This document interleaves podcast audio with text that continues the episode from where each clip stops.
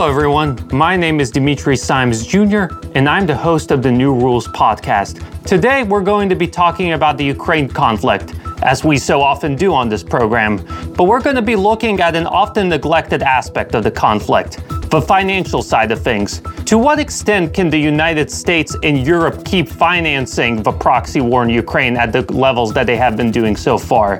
And if they attempt to do such a strategy, what could be the potential long term consequences? We also want to look at Asia.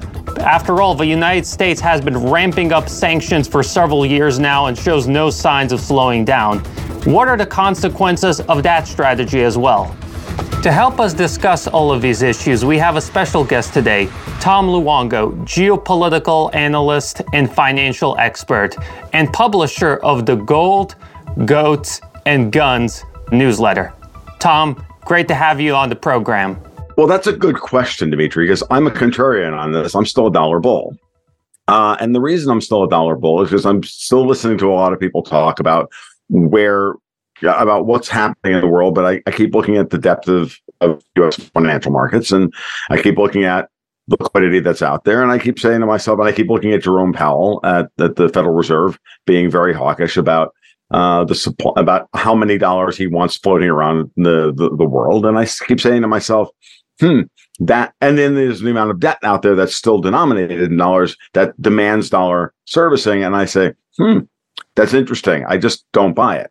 What I think is going on, or what I think happened last week, is something a little bit more complicated than just, oh, well, the de dollarization meme has now reached a critical mass. Not to say that I disagree with any of that, but I think that's a much more broader, longer term conversation to have. I think this is much more about what's happening currently right now. And that there's a reason why Janet Yellen, U.S. Treasury Treasury Secretary Janet Yellen, went to China, right?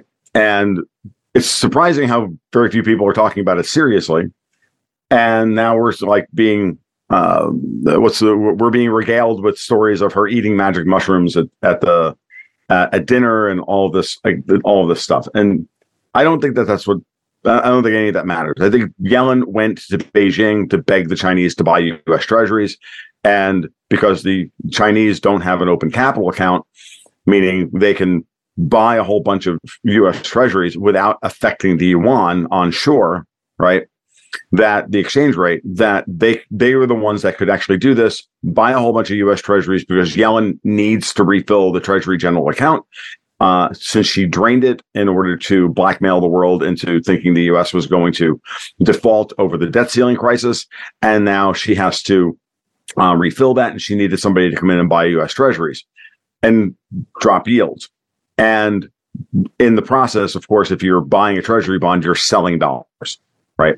So I think it was a, a, a mixture of that, along with the because they had that happened to happen at a very important moment in time, and that important moment in time was the fact that the U.S. Treasury market was beginning to breach certain levels that were making things uncomfortable for Yellen's partners over in Europe. Remember, I make a very fundamental distinction between the Treasury Department and the Federal Reserve at this point in time. I don't believe they're on the same page. Right. I don't believe that in any way there's coordinated policy between Janet Yellen and Jerome Powell because they've never agreed on anything in all the years that they've been colleagues over at the Federal Reserve. Powell's always been a hawk. Yellen's always been a labor a labor economist focused dove. She's the she was the extender an architect of extra years of zero bound interest rates and more QE when the markets were screaming for her to raise interest rates in her the last two terms, two years of her second term or her, her term. Sorry, she was only uh, Fed president for, for, for a term. Um, so when you when you map the world that way, when you map the the, the political fight and the uh, that way within the the U.S., you, you wind up believing, like I do, that there are U.S. sovereigntist for, for focused members of the power structure, and there are those who are globalist. And I like to call that the globalist wing Davos, but that's a that's just branding. If you understand that, and you if you believe that, or if you even buy my argument for that, then it makes perfect sense that Yellen would go to Beijing to bail out Europe by getting the Chinese to buy a whole bunch of US treasuries last week around the NATO summit because Christine Lagarde at the ECB has been working overtime to maintain certain spreads between various types of U.S. Uh, uh, European sovereign debt, uh, both within the EU and relative to the U.S., as well as putting a hard cap in effect, doing yield curve control for the entire Euro, eurozone system. If you go look at uh, charts of things like the German 10 year, it's been capped at two and a half percent for four months now. Uh, the, uh, the, the Dutch 10 year, 3%. The Italian 10 year, 4.3%. I wrote about this on my blog recently.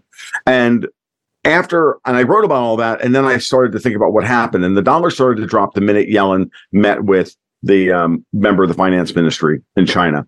Uh, and it's like all of a sudden someone started selling the dollar and, and buying treasuries. And then we saw a massive move in the US yield curve last week. It, you know, re- rose like 25 basis points or 0.25% across, or fell, sorry, uh, across the entire yield curve. And, and all because the CPI came in just a little, little below what expectations were. No, I, I don't buy that at all. What I buy is that there was a quid pro quo and that the Chinese demanded something from the Biden administration in terms of geopolitics or trade policy or war policy. And I think that that's what happened. And I don't think this this so it's a very long-winded answer to say um, recent events ha- are guiding what's happening here, and that what's happening in the dollar right now is a false move to the downside. That's what I think is happening. So I think there's a lot to unpack here, but I think I want to start with the fundamentals because a lot of our audience members are people who are geopolitical savvy, but they may not know the sort of financial nitty gritty details the way you do. Could you explain to them why Janet Yellen had to go to China in order to ask the Chinese to help bail out US Treasury bonds? How did it get to be to such a point? Well, again, during the debt ceiling crisis back in May and as we moved into June, the, the, the Treasury's general account, basically its checking account, was being drawn down. And Yellen was out there every other day screaming, Oh my God, we're not going to have any money to pay our bills. Well, the way the Treasury raises money is by selling treasuries. Right. So she sells treasury bonds, you know, and into the market, and then she deposits the the the the proceeds from that into the Treasury general account, and that's how she pays uh, the government's bills the best estimates have been that she would need to raise somewhere between one and 1.5 trillion dollars this summer in order to fund the basically the budget deficit of the United States um, and get the Treasury General account back up to a certain level.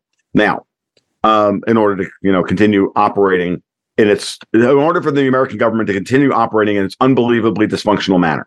Like I'm not making any I mean, if you want my judgment on it, it's it's irresponsible. But that's you know that's this. I'm not in Washington. I don't have any pull on this. I'm just telling you what I what has to happen. Someone needs to buy those treasuries now. It could be they could be absorbed by the American domestic markets, but if you do so, you're taking dollars out of the U.S. domestic markets right? Because those dollars have to come from somewhere. Well, right now we're sitting, we're looking at, thanks to Jerome Powell's aggressive interest rate policy, we're talking about you know, dollars that can't afford to not circulate because we're already starting to see credit growth turn negative. We're starting to see, you know, we're starting to see the beginnings of a real credit crunch, which is going to put downward pressure on the American economy. So far, the, economic data has been a, little bit better than everybody was expecting this late in the year, but you know that is what it is. So Yellen had to go to somebody and try and get them to buy treasuries. Now, this isn't to say that there still isn't demand for treasuries, just not that much demand. Okay. So she could sell those treasuries into the market, but it would cause rates, it would cause the rates on those treasuries, the interest rates on those treasuries to rise, right? The traded, you know, exchange value of the 10 year bond or the seven year or five year note would rise. And by doing that, it would put upward pressure on everybody else's sovereign debt because all these markets are so intertwined. Okay.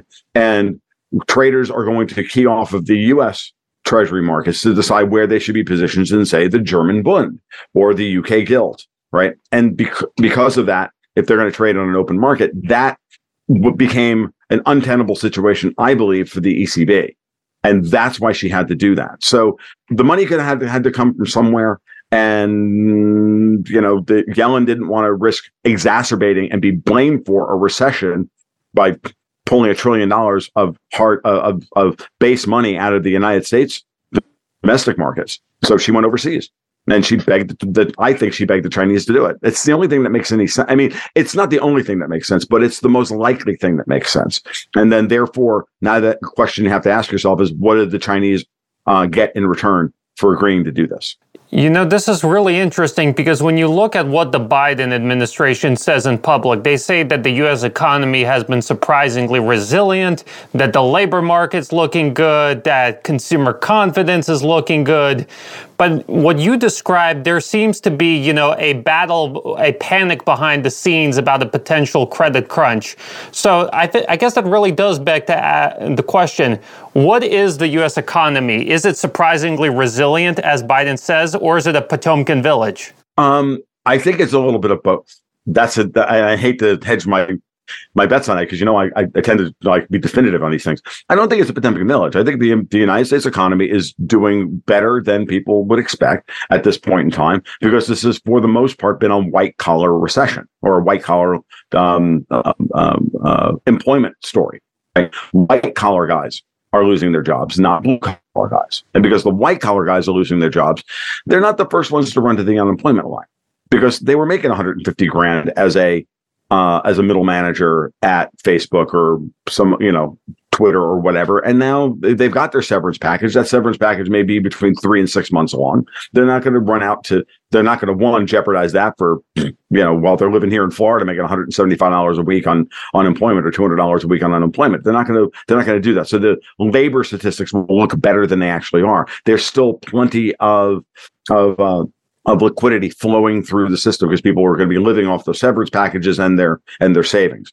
So it's more about the timing of when things go bad as opposed to in the US as opposed to when uh, as opposed to that they're going bad. It's not a matter of if, it's a matter of when. And so Biden's not wrong to say this the US economy has been surprisingly resilient.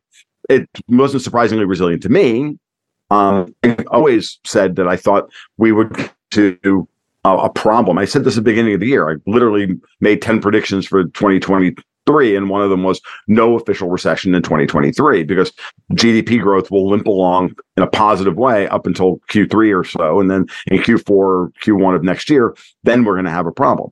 So we're we're headed towards a recession that we can't avoid now because we're seeing credit deflate rapidly, and we still haven't quite seen the turnover in housing and other sectors of the economy to allow for that to happen. So let me let me put a, a little bit more color on that.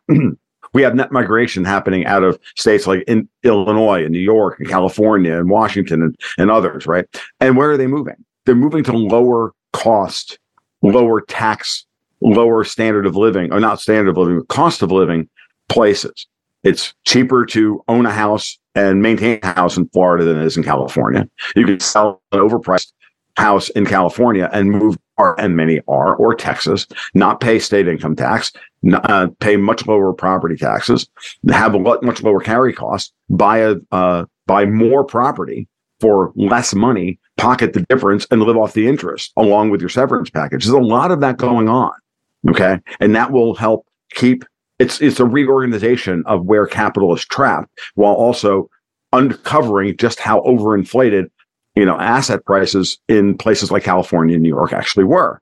Now, the commercial real estate market has is is going to be a real problem, and it's going to and it's it's staring us in the face, and it's right out over the horizon as to how we're going to navigate that. But again, I say all that, and I and I, but that's all one thing. But I don't want to focus on just the United States here, because if the United States is in that kind of trouble, and interest rates are as high as they are, then and Moreover, it looks like we've got we're beginning to get some sort of like I don't know political sand happening at Capitol Hill. Hey, we just didn't. NATO didn't just declare World War III last week at Vilnius. This is a big deal for the markets. Now, once we're once we get away from that, you know, that ever that ever growing threat of an escalation of the Ukraine conflict turning into World War III, money that's been sitting on the sidelines can now start to flow into the market a little bit. I think it's going to be a, you know another six eight week worth of halo effect of that. So globally, but I also think that the markets will begin to f- start focusing on what's really happening. And I personally think in Europe and the UK, and I think those are the vulnerable markets right now, and that's part of the reason why I believe Yellen had to run to China and beg for uh, beg them to buy treasuries, and then you know have to give up something in return. And honestly, what what what happened in return is you know the Ukraine got left out to hang. I think over at uh, over at Vilnius at the NATO summit. I, I, guess it's interesting that you point to Europe as being the potential X factor here because there has been sort of an air of triumphism after last winter because there were widespread expectation that there would be a major gas crisis, that there could be blackouts, and things were bad, but not quite so bad. So European leaders took that as a victory and said that the worst is behind us and that we're going to be moving ahead on a new economic path that's going to be more sustainable, both ecologically and geopolitically. From what I'm hearing from you, their optimistic uh, prognoses don't stand up to closer scrutiny. Why? They're the Potemkin village because they can't afford to continue raising interest rates at this moment in time because, well, the Bundesbank is effectively bankrupt. Dimitri, right? German auditor came out two weeks ago and said, look, the the the Bundesbank has no equity left after it bought three and a half trillion dollars worth of its own debt and the rest of its debt in order to prop up the bond markets in order to to enforce negative bound interest rates. They're they're dealing with structural inflation that is not going away, and Lagarde is at the ECB has finally admitted it. Um, she's at what two and a half percent. European inflation is at six percent. Now, in the United States, we're staring at three percent inflation. And we're going to we're going to fall next month into the twos, and then it's going to start to level off and probably start to rise into the, the end of the year. And I'll get to that. we we'll get to why in a minute. But that's the United States. Well, Powell's at five percent. You've got three percent positive real yields in the United States, and you've got negative four percent over in Europe at a minimum. And then if you look at the UK, you're at negative six percent still. So they have to keep raising interest rates and and now they're dealing with and because of this they're now dealing with a stronger euro than they should have in the past than they should have. They're dealing with a stronger pound than they should have. Neither of these uh, now these currencies which move so far so fast and over the last nine months have moved you know uh, from uh, from from honestly as far as i'm concerned near fair value to now about 15% overvalued. What's that going to do to their export markets which are not particularly strong in the first place and the key to all of this is what you what you implied in your uh, your question, which is oil prices have been low, right? But oil prices are starting to rise. Oil closed last week amidst all of this turmoil, while bonds were getting bought and gold was getting everything was getting bought last week except the dollar, including commodities. Copper was 393 a pound. Oil closed, Brent crude closed above $80 for the first time in nine weeks or 12, nine or 10 weeks. West Texas Intermediate did the same thing. Natural gas prices in the US are rising. Um, since the Europeans have cut themselves off from cheap Russian gas and cheap Russian oil, they've got to buy it from the United States, which they're doing at an extreme premium. And Biden is going to have to stop bringing the SPR to subsidize Europe's energy needs, which is what he's been doing. Okay. That's that policy is going to end. And so this is where the bubble that the European leadership it lives in. And it's a very small bubble. Okay. It's so small, I could wrap it up in a ball and throw it in my garbage can. They don't have any real idea about what's happening out there. They think they do. And they also think that they can just make demands from on high and everything will just happen because they're used to these things happening because they're used to having regulatory and political and economic control over the United States, but they don't anymore. Okay. They don't have control over our capital markets anymore. They can't allow their banks to go bust and then and then have their interest rates become our interest rates and force the Fed to uh, to pivot and go back to the zero bound. They don't have that power over us anymore. LIBOR is dead. SOFR is the law of the land. The United States doesn't have that, and they've got a Federal Reserve chair who's absolutely not on board with this. So the the the the the the, the, the economic bloc between a rock and a hard place is Europe. They're energy importers. They're not particularly good exporters of anything that really matters anymore. The, Germany's being deindustrialized like you wouldn't believe. Italy is is is being squeezed politically to the point where its vaunted uh, industrial engine is being crushed. Um, and then energy prices are set to rise. And this is part of the reason why I think inflation is going to return later in the year. And it's going to be exactly the same kind of inflation we had at the beginning of this pro- the, this process. There'll be a second wave of commodity cost push inflation. You're going to see commodity prices rise because now we've got you know after you know a, after way too long a time of commodity prices not being high. You know, the cure for high commodity prices is high commodity prices. The hot cure for low commodity prices is low commodity prices because production comes offline. And uh, you know, now everybody just has to look at to look to you know Asia and their growing demand for commodities. And as far as I'm strategic commodities, and I don't think that that's going to abate. And once you know, and I don't think the United States is going to stop you know, demanding those things. I don't think people are going to stop demanding food. I just don't. I just don't think they're going to stop stop demanding food and energy. I don't know. I've been on this planet 55 years and I ain't seen it yet. And in the history of economics, I ain't seen it yet. So, well, these things may, you know, come down. Like, you know, these things may, you know, people may attenuate and change their patterns a little bit. The fundamental bid under the under strategic commodity prices is going to stay there. And as credit prices come down commodity prices are going to rise even if they rise 10% from where they are. Even if oil only rises from $80 a barrel to $88 a barrel or $90 a barrel that's still a 10 or 12% rise. You don't think that's going to show up in the, C- the cpi as a 6 7% inflationary spike over the course of the next year to 18 months? Hard to argue with. I mean, even yeah. the Bank of Japan is finally now having to admit that they're not going to be able to hold a 2% inflation target. And you know, what's really interesting is because over the past year, we've heard a lot of talk that a new global recession in the style of 2008 could be upon us. And much of the rhetoric has focused on how this new explosion, this new bubble could come from the United States. But what you're saying is that there's a greater chance that the next global recession, if it does take place, emanates from Europe due to a commodity wave just causing inflation all over the place and then and then banking collapse. Yes, uh, along with the a planned destruction of the offshore uh, leveraged dollar markets by the Federal Reserve Chair, the most powerful central banker in the world. Like I I I I I, I, I guys don't bet against the Fed. Like I, I find it really funny, Dimitri. For years, all I heard in financial markets is don't fight the Fed, don't fight the Fed, don't fight the Fed. The minute the Fed starts raising interest rates, everybody starts like, everybody's like, fight me, bro, I'm fighting the Fed. I'm like, what's wrong with you? Like, it doesn't make any sense. Like, don't fight the Fed. They're raising interest rates. But all you heard was, oh, the Fed's going to pivot. Oh, this is going to happen. Oh, the Fed can't raise rates, blah, blah, blah, blah. And guess what? Everybody missed the boat. And the the foundation for where we are today was laid during the beginnings of the Trump administration, when Powell was was uh, made FOMC chair, John Williams was made head of the very powerful New York Fed, and they began the process of replacing LIBOR, uh, our debt indexing, with from with SOFR and ditching LIBOR. And I've I've talked about this in, in multiple venues, and I know this is a little technical and a little weird, but it's important to understand that for the United States capital markets that we think we all know were all based on the needs of 18 City of London banks. Okay.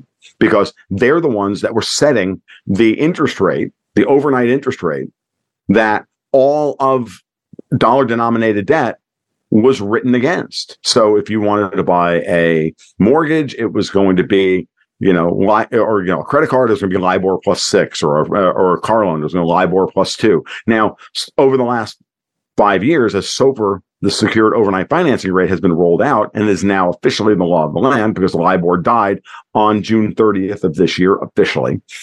And the, the changeover from LIBOR to SOFR has been a five year staged rollout by the Federal Reserve.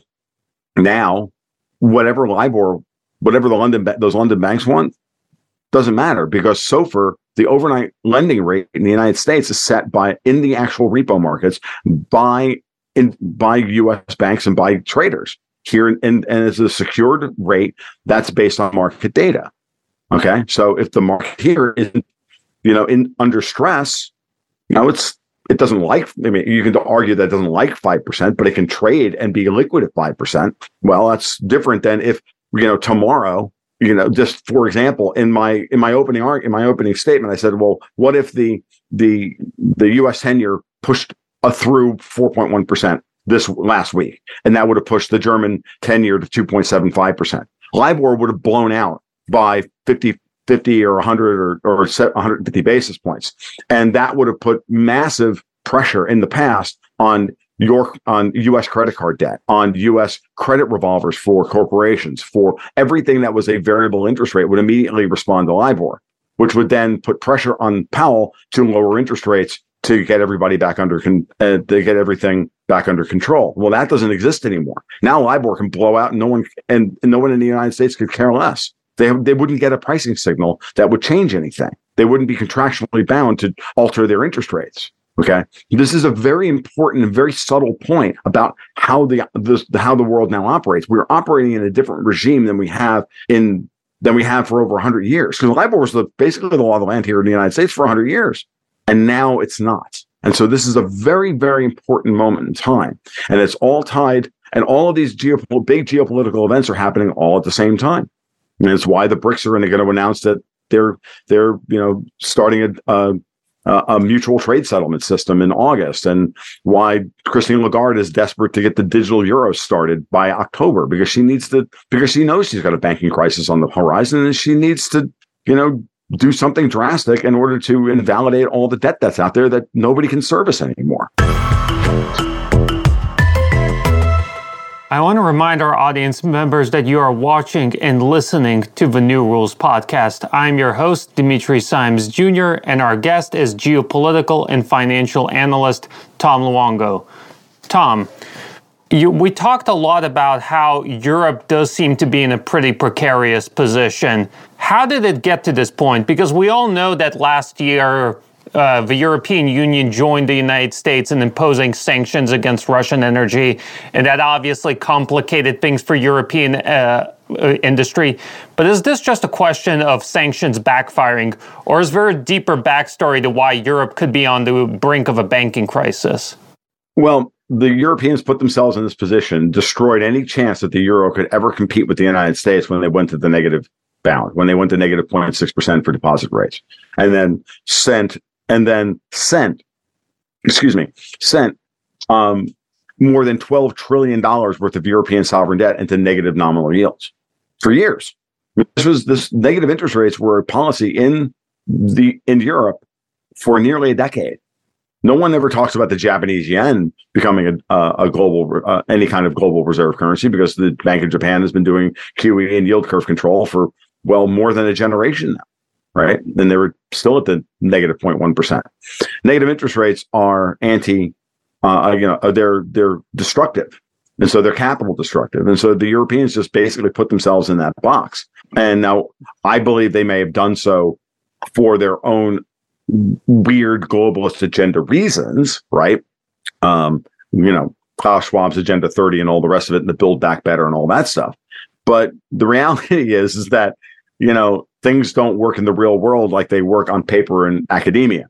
Um, this is one of the big this is one of the big uh, criticisms that Austro libertarians like myself always said about the Fed, right? And then the Fed gets everything wrong, or the, and and and well, guess what? It's the ECB is just the old Fed under Bernanke and Yellen times 10 it's even more politicized it's even more agenda driven and it's even more beholden to economic models that have zero zero practicality in the real world or applicability in the real world. So they put themselves in this position and they really, and I think everybody really did think that if they put shock and awe uh, sanctions on the Russians, it would break the Russian economy. They would be able to come in, scoop up Ru- the, the Russian assets at pennies on the dollar, and then secure themselves for the next hundred years cheap energy from a compliant and balkanized uh, uh, you know remnant of Russia.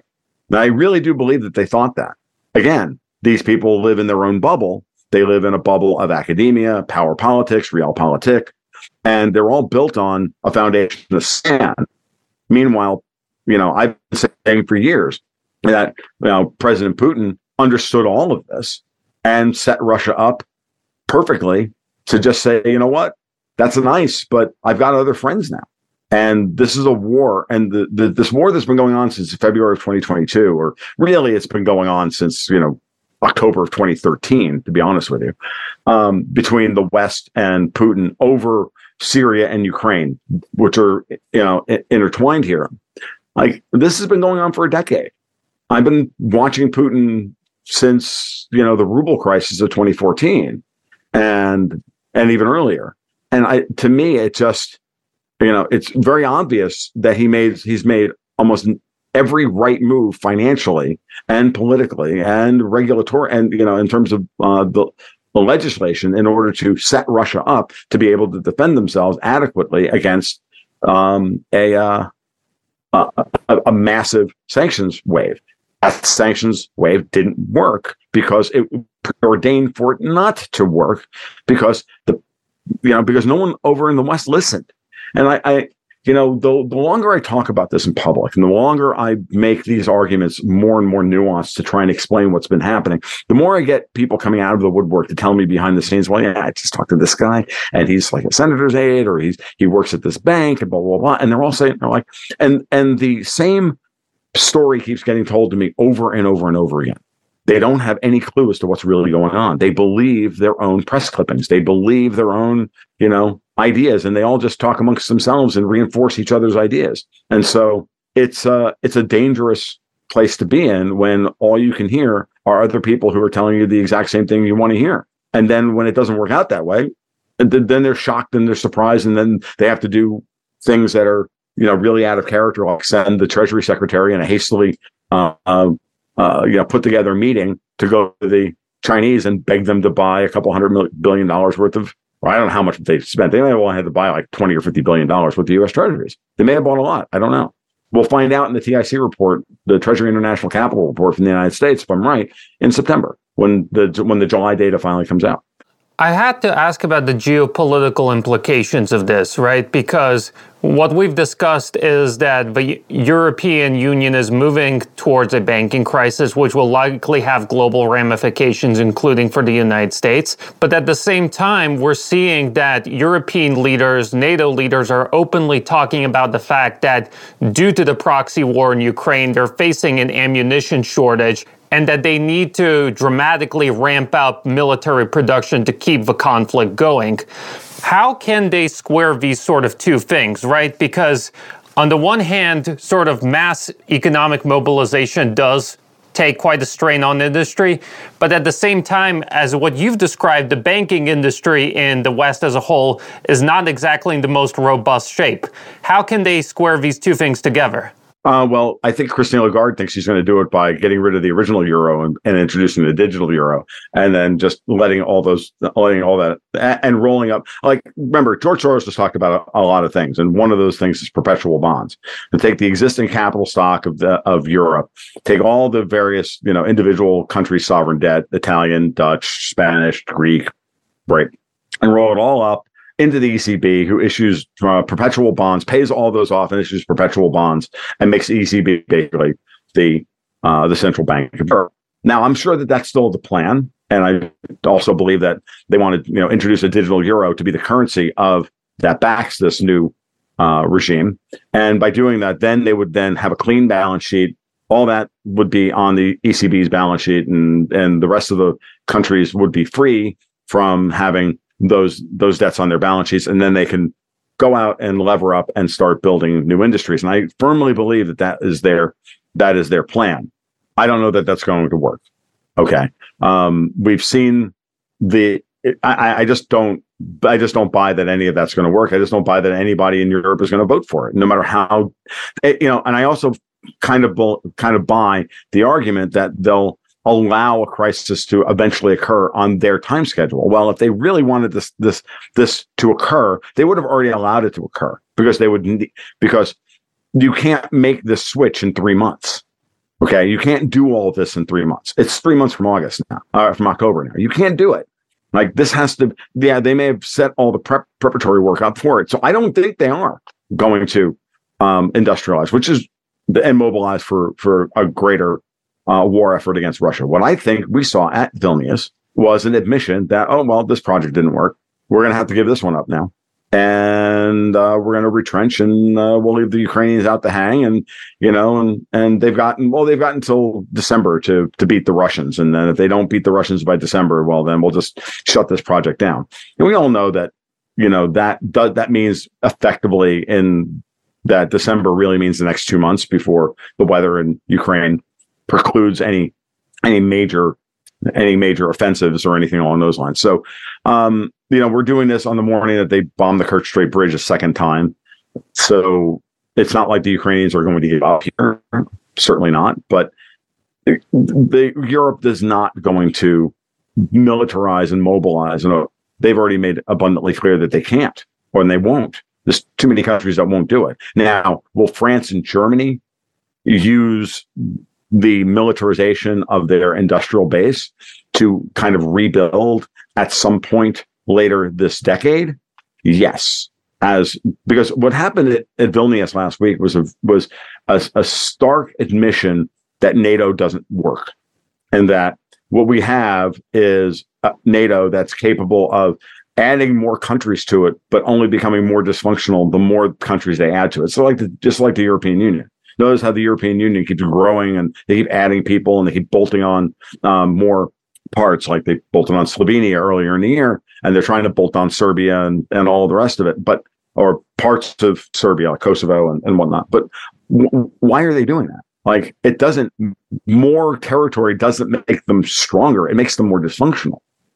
And so I don't see the, the, the that circle getting I don't see that that the circle getting squared. What I see is a a whole lot of bluff and bluster, a whole lot of of of you know hey, we we we were able to get Finland and Sweden into in, into NATO. That's a and we're putting pressure on Russia and we're controlling the Arctic. But at the same time, you know, as my my my partner Dexter White said to me yesterday on the phone, like NATO can't even just decide on what airplane they want to fly, no less whether they're all going to go to war with the Russians.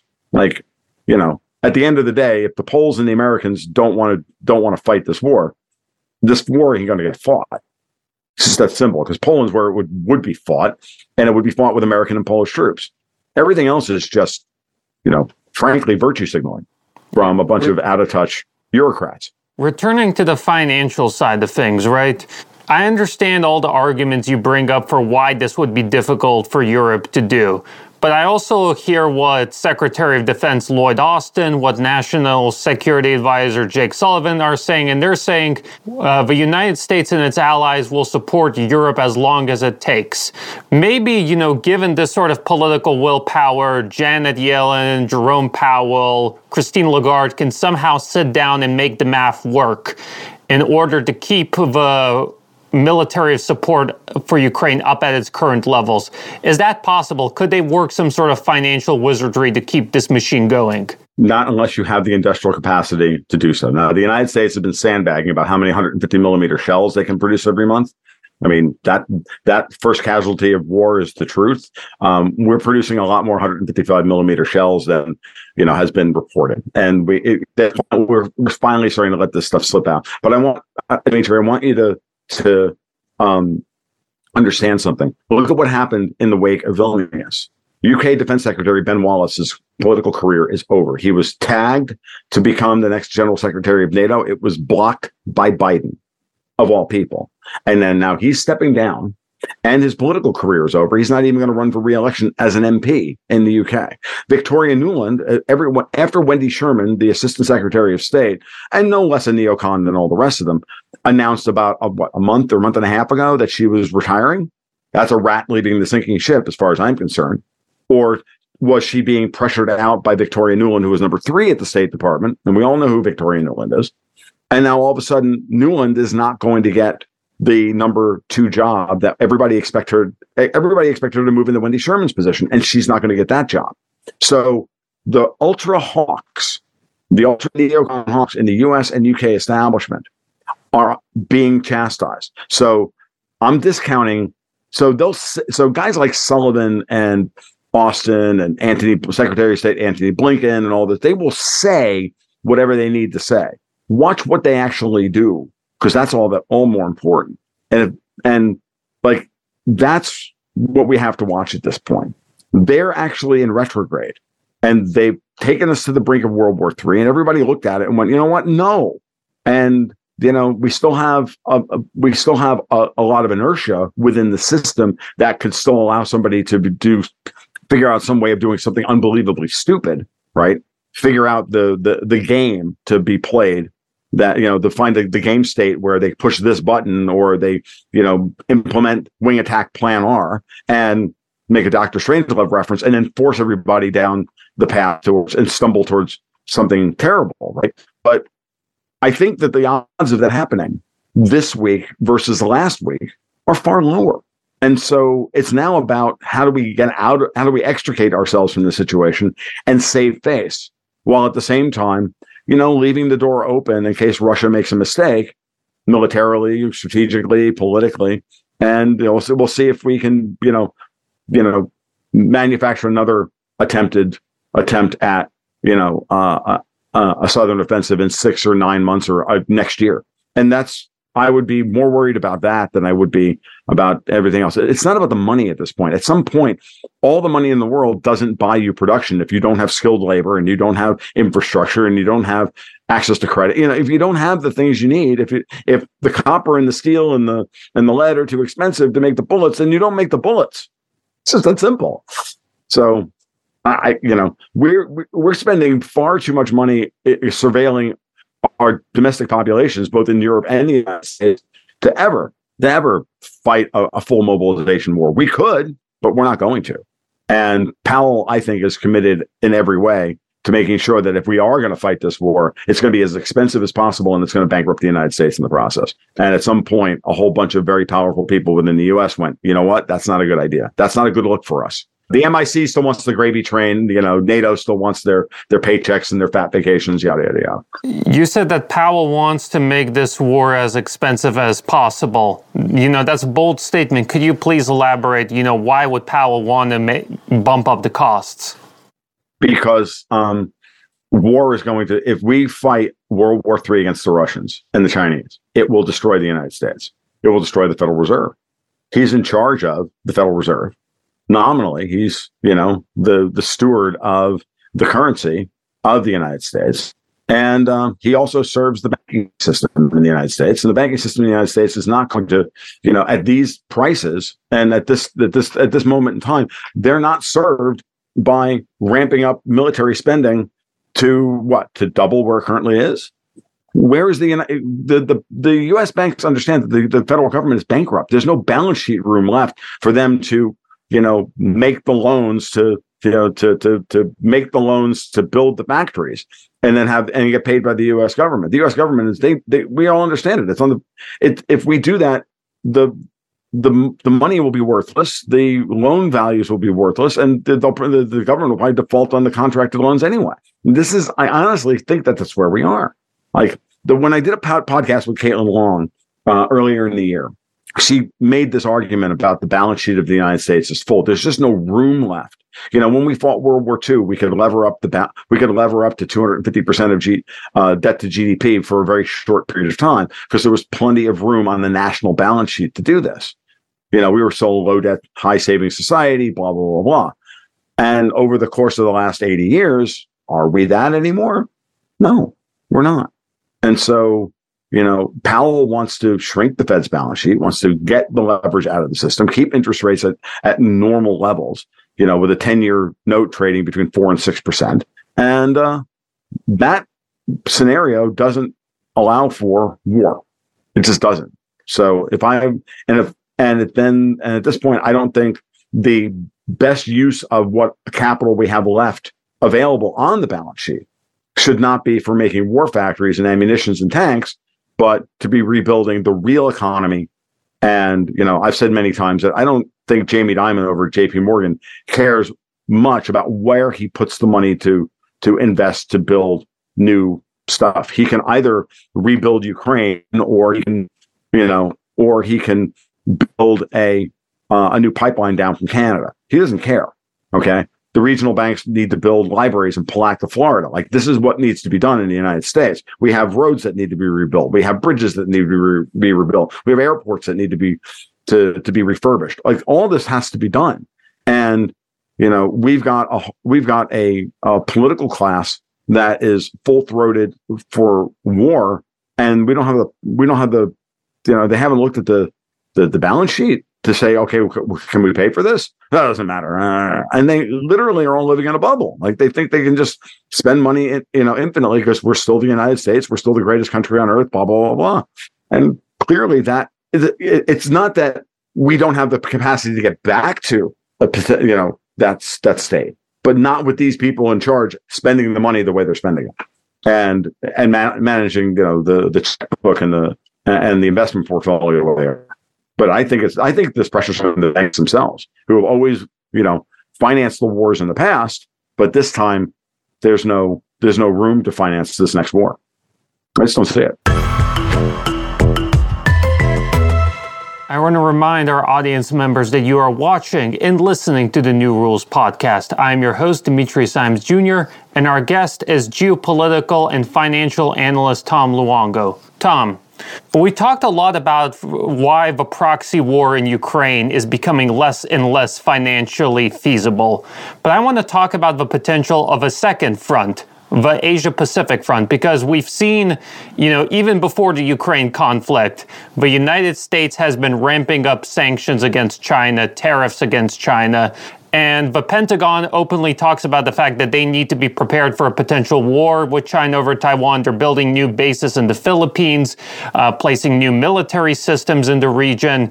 Setting geopolitics and military aside, from a purely economic standpoint, do you think that the United States can beat China in an economic uh, Cold War? That is the hope of the neoconservatives who run our foreign policy.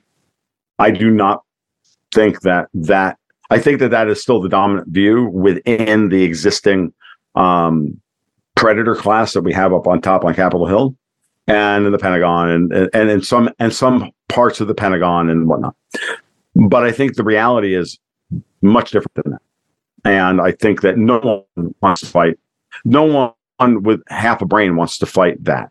Jamie Dimon, again, I, I, keep I keep bringing up Jamie Dimon because I I firmly believe at this point that if anybody is president of the United States at this point, it might actually, or at least you know, our the the best ambassador we have, it's Jamie Dimon of of, of uh, J.P. Morgan, because he goes over to China, organizes a big symposium, meets with members of the Politburo, and you know reminds everybody. He goes on Bloomberg and you know CNBC and and all the rest of it, and says to everybody and makes all these these um these these affirmative pronouncements.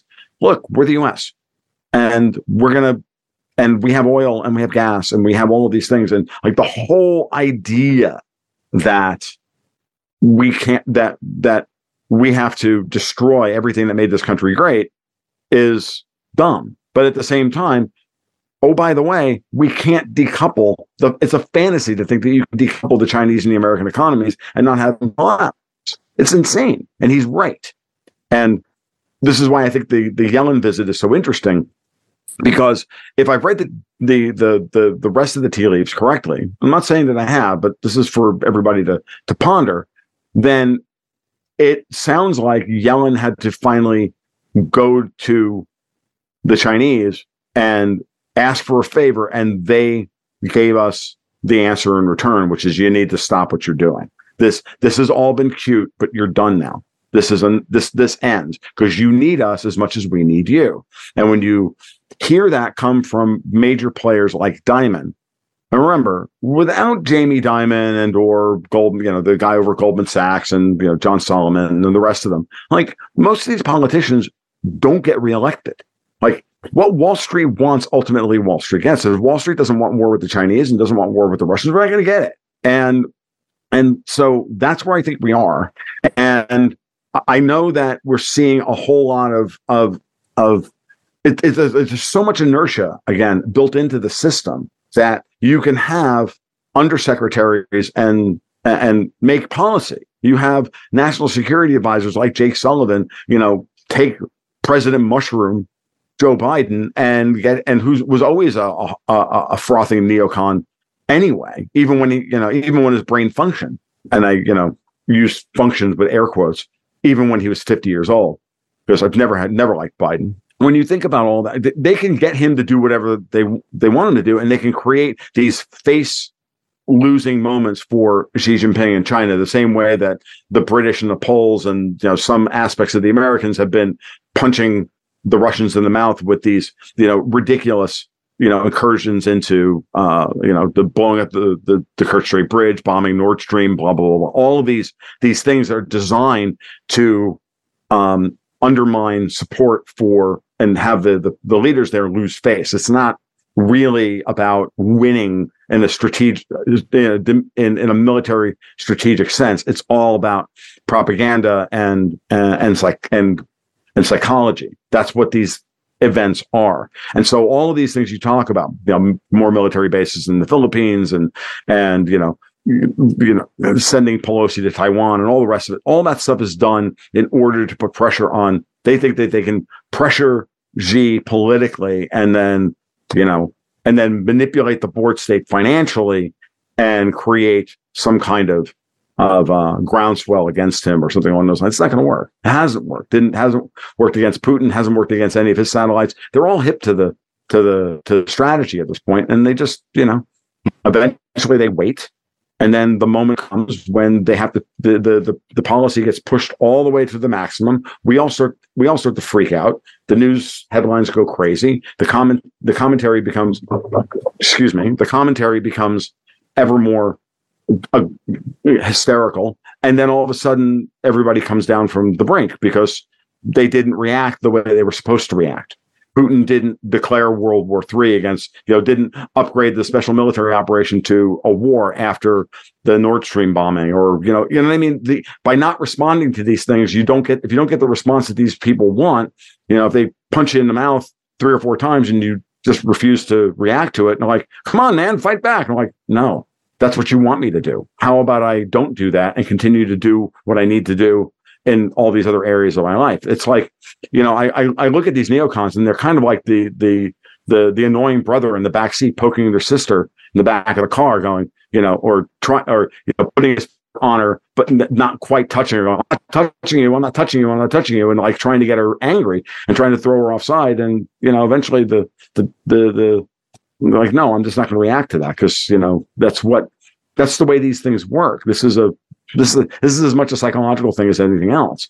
And the more you ignore uh, a malignant narcissist, like you know, as a group, as like the British and U.S. neocons, the more apoplectic and more angry they get, and the more they desperate they get to get the reaction that they want because they need to have this happen. And the more you just ignore them, you know, how do you how you know how do you infuriate a bully? You ignore him. You don't give him what he wants. You don't fuel his anger. You don't fuel his his you know you don't fuel his narcissism. That's the way you do it. And uh, Putin and Xi have been masterful at this. So I don't I I don't as long as those guys are in power here and as you know in those two countries and as long as I see cooler heads getting control of U.S. policy and leaving the the, the lines of communication open and even if it's just through back channels, then I don't I, all I worry about is a is a as a, the kind of event that the Russians or the Chinese can't ignore, right?